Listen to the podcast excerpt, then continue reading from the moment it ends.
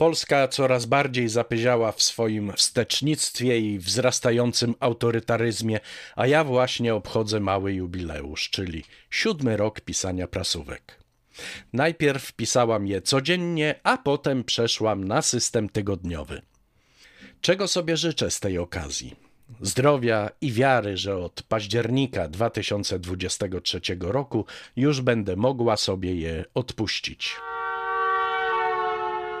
Prasówka tygodniówka pod redakcją Tamary Olszewskiej 7-13 lutego 2022 roku. Czyta Piotr Sobieski. Nie rząd robi wszystko, by obrzydzić nam Unię Europejską, a tu taka niespodzianka. Na zlecenie Parlamentu Europejskiego został przeprowadzony sondaż poparcia dla wspólnoty europejskiej i aż 82% badanych Polaków twardo stoi za naszą obecnością w Unii. To o 5% więcej niż rok temu. Oj, ależ to musiało zaboleć prezesa i jego ludzi. Tadeusz Kościński, praktycznie nieznany minister finansów, udowodnił, że warto być słupem w dzisiejszej Polsce. Jako minister zupełnie się nie napracował, niczego nie dokonał. Był tylko twarzą, bo wszelkie decyzje zapadały poza nim.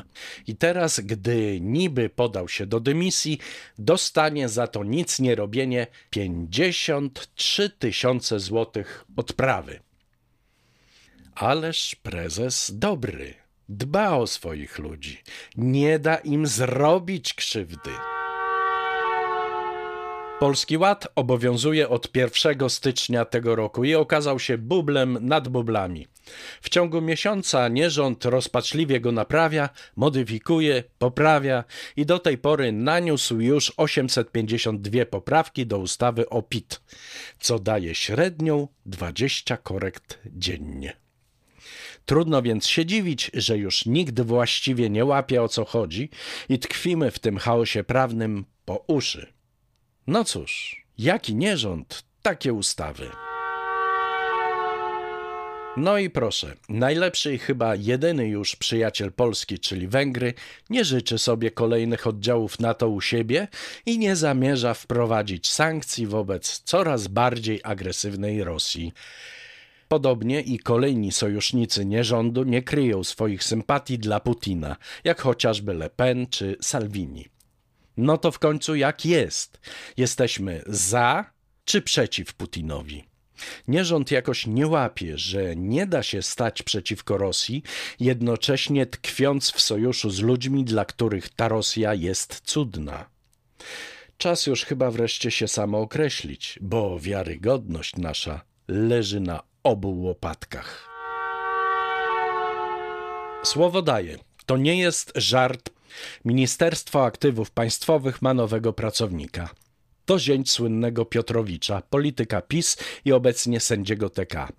Facet ma bardzo odpowiedzialną funkcję, bo ma sprawdzać, czy kandydaci do spółek Skarbu Państwa są wystarczająco pisowscy, czy mają odpowiednie życiorysy.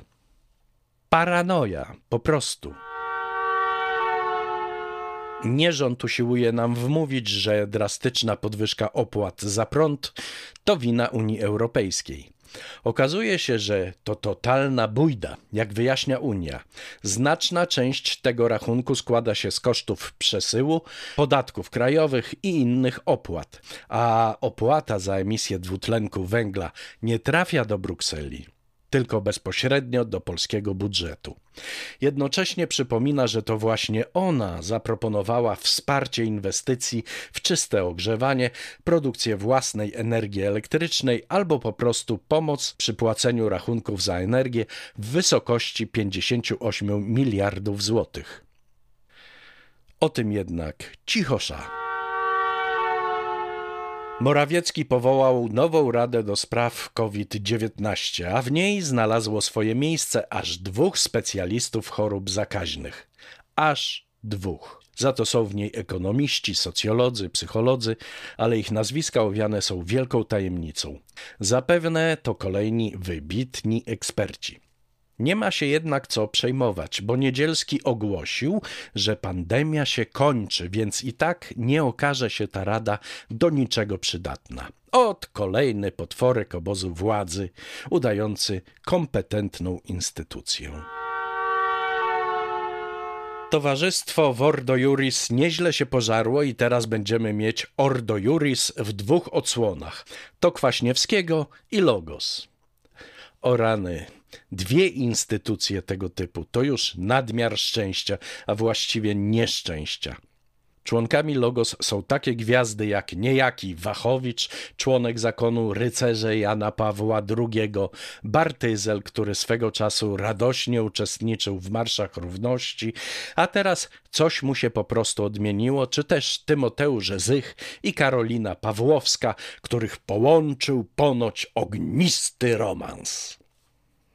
No cóż, mam nadzieję, że obie te organizacje będą bardzo zajęte podgryzaniem się wzajemnie i dzięki temu nie będą mi wyskakiwać z każdej szafy. Amen.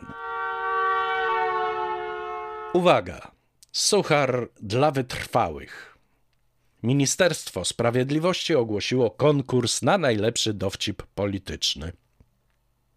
Nagrody. Pierwsza trzy lata obozu wytrwania druga dwa lata, trzecia rok obozu odosobnienia.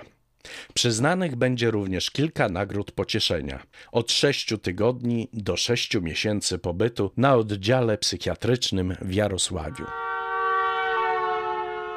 Była to prasówka tygodniówka pod redakcją Tamary Olszewskiej. Czytał Piotr Sobieski. Do usłyszenia.